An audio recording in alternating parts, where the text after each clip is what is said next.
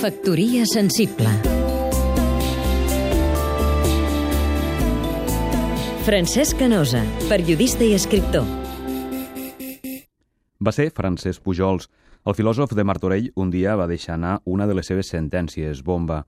Diu així, visca Catalunya, morin els catalans. La frase és un tractat de psicoanàlisi en si mateixa. Ens hem d'estirar al divan i mastegar una galeta per entendre-la. És certa? Té raó Pujols? Una bona manera d'esbrinar-ho és llegir el llibre del periodista Jaume Clotet, 50 moments imprescindibles de la història de Catalunya. Ja saben, bufet lliure d'instants, muntanyes russes, la invasió musulmana, el compromís de Casp, la guerra de successió, les guerres carlines, la guerra civil...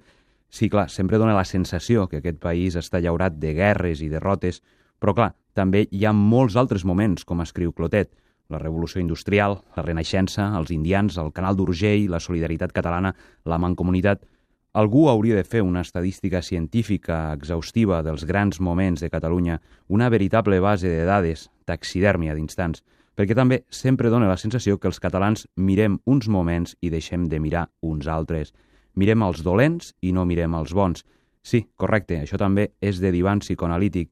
I ara la sentència de Pujols passe de l'afirmació a la pregunta. Visca Catalunya, morin els catalans? Doncs això, que hi ha moments i moments. Factoria sensible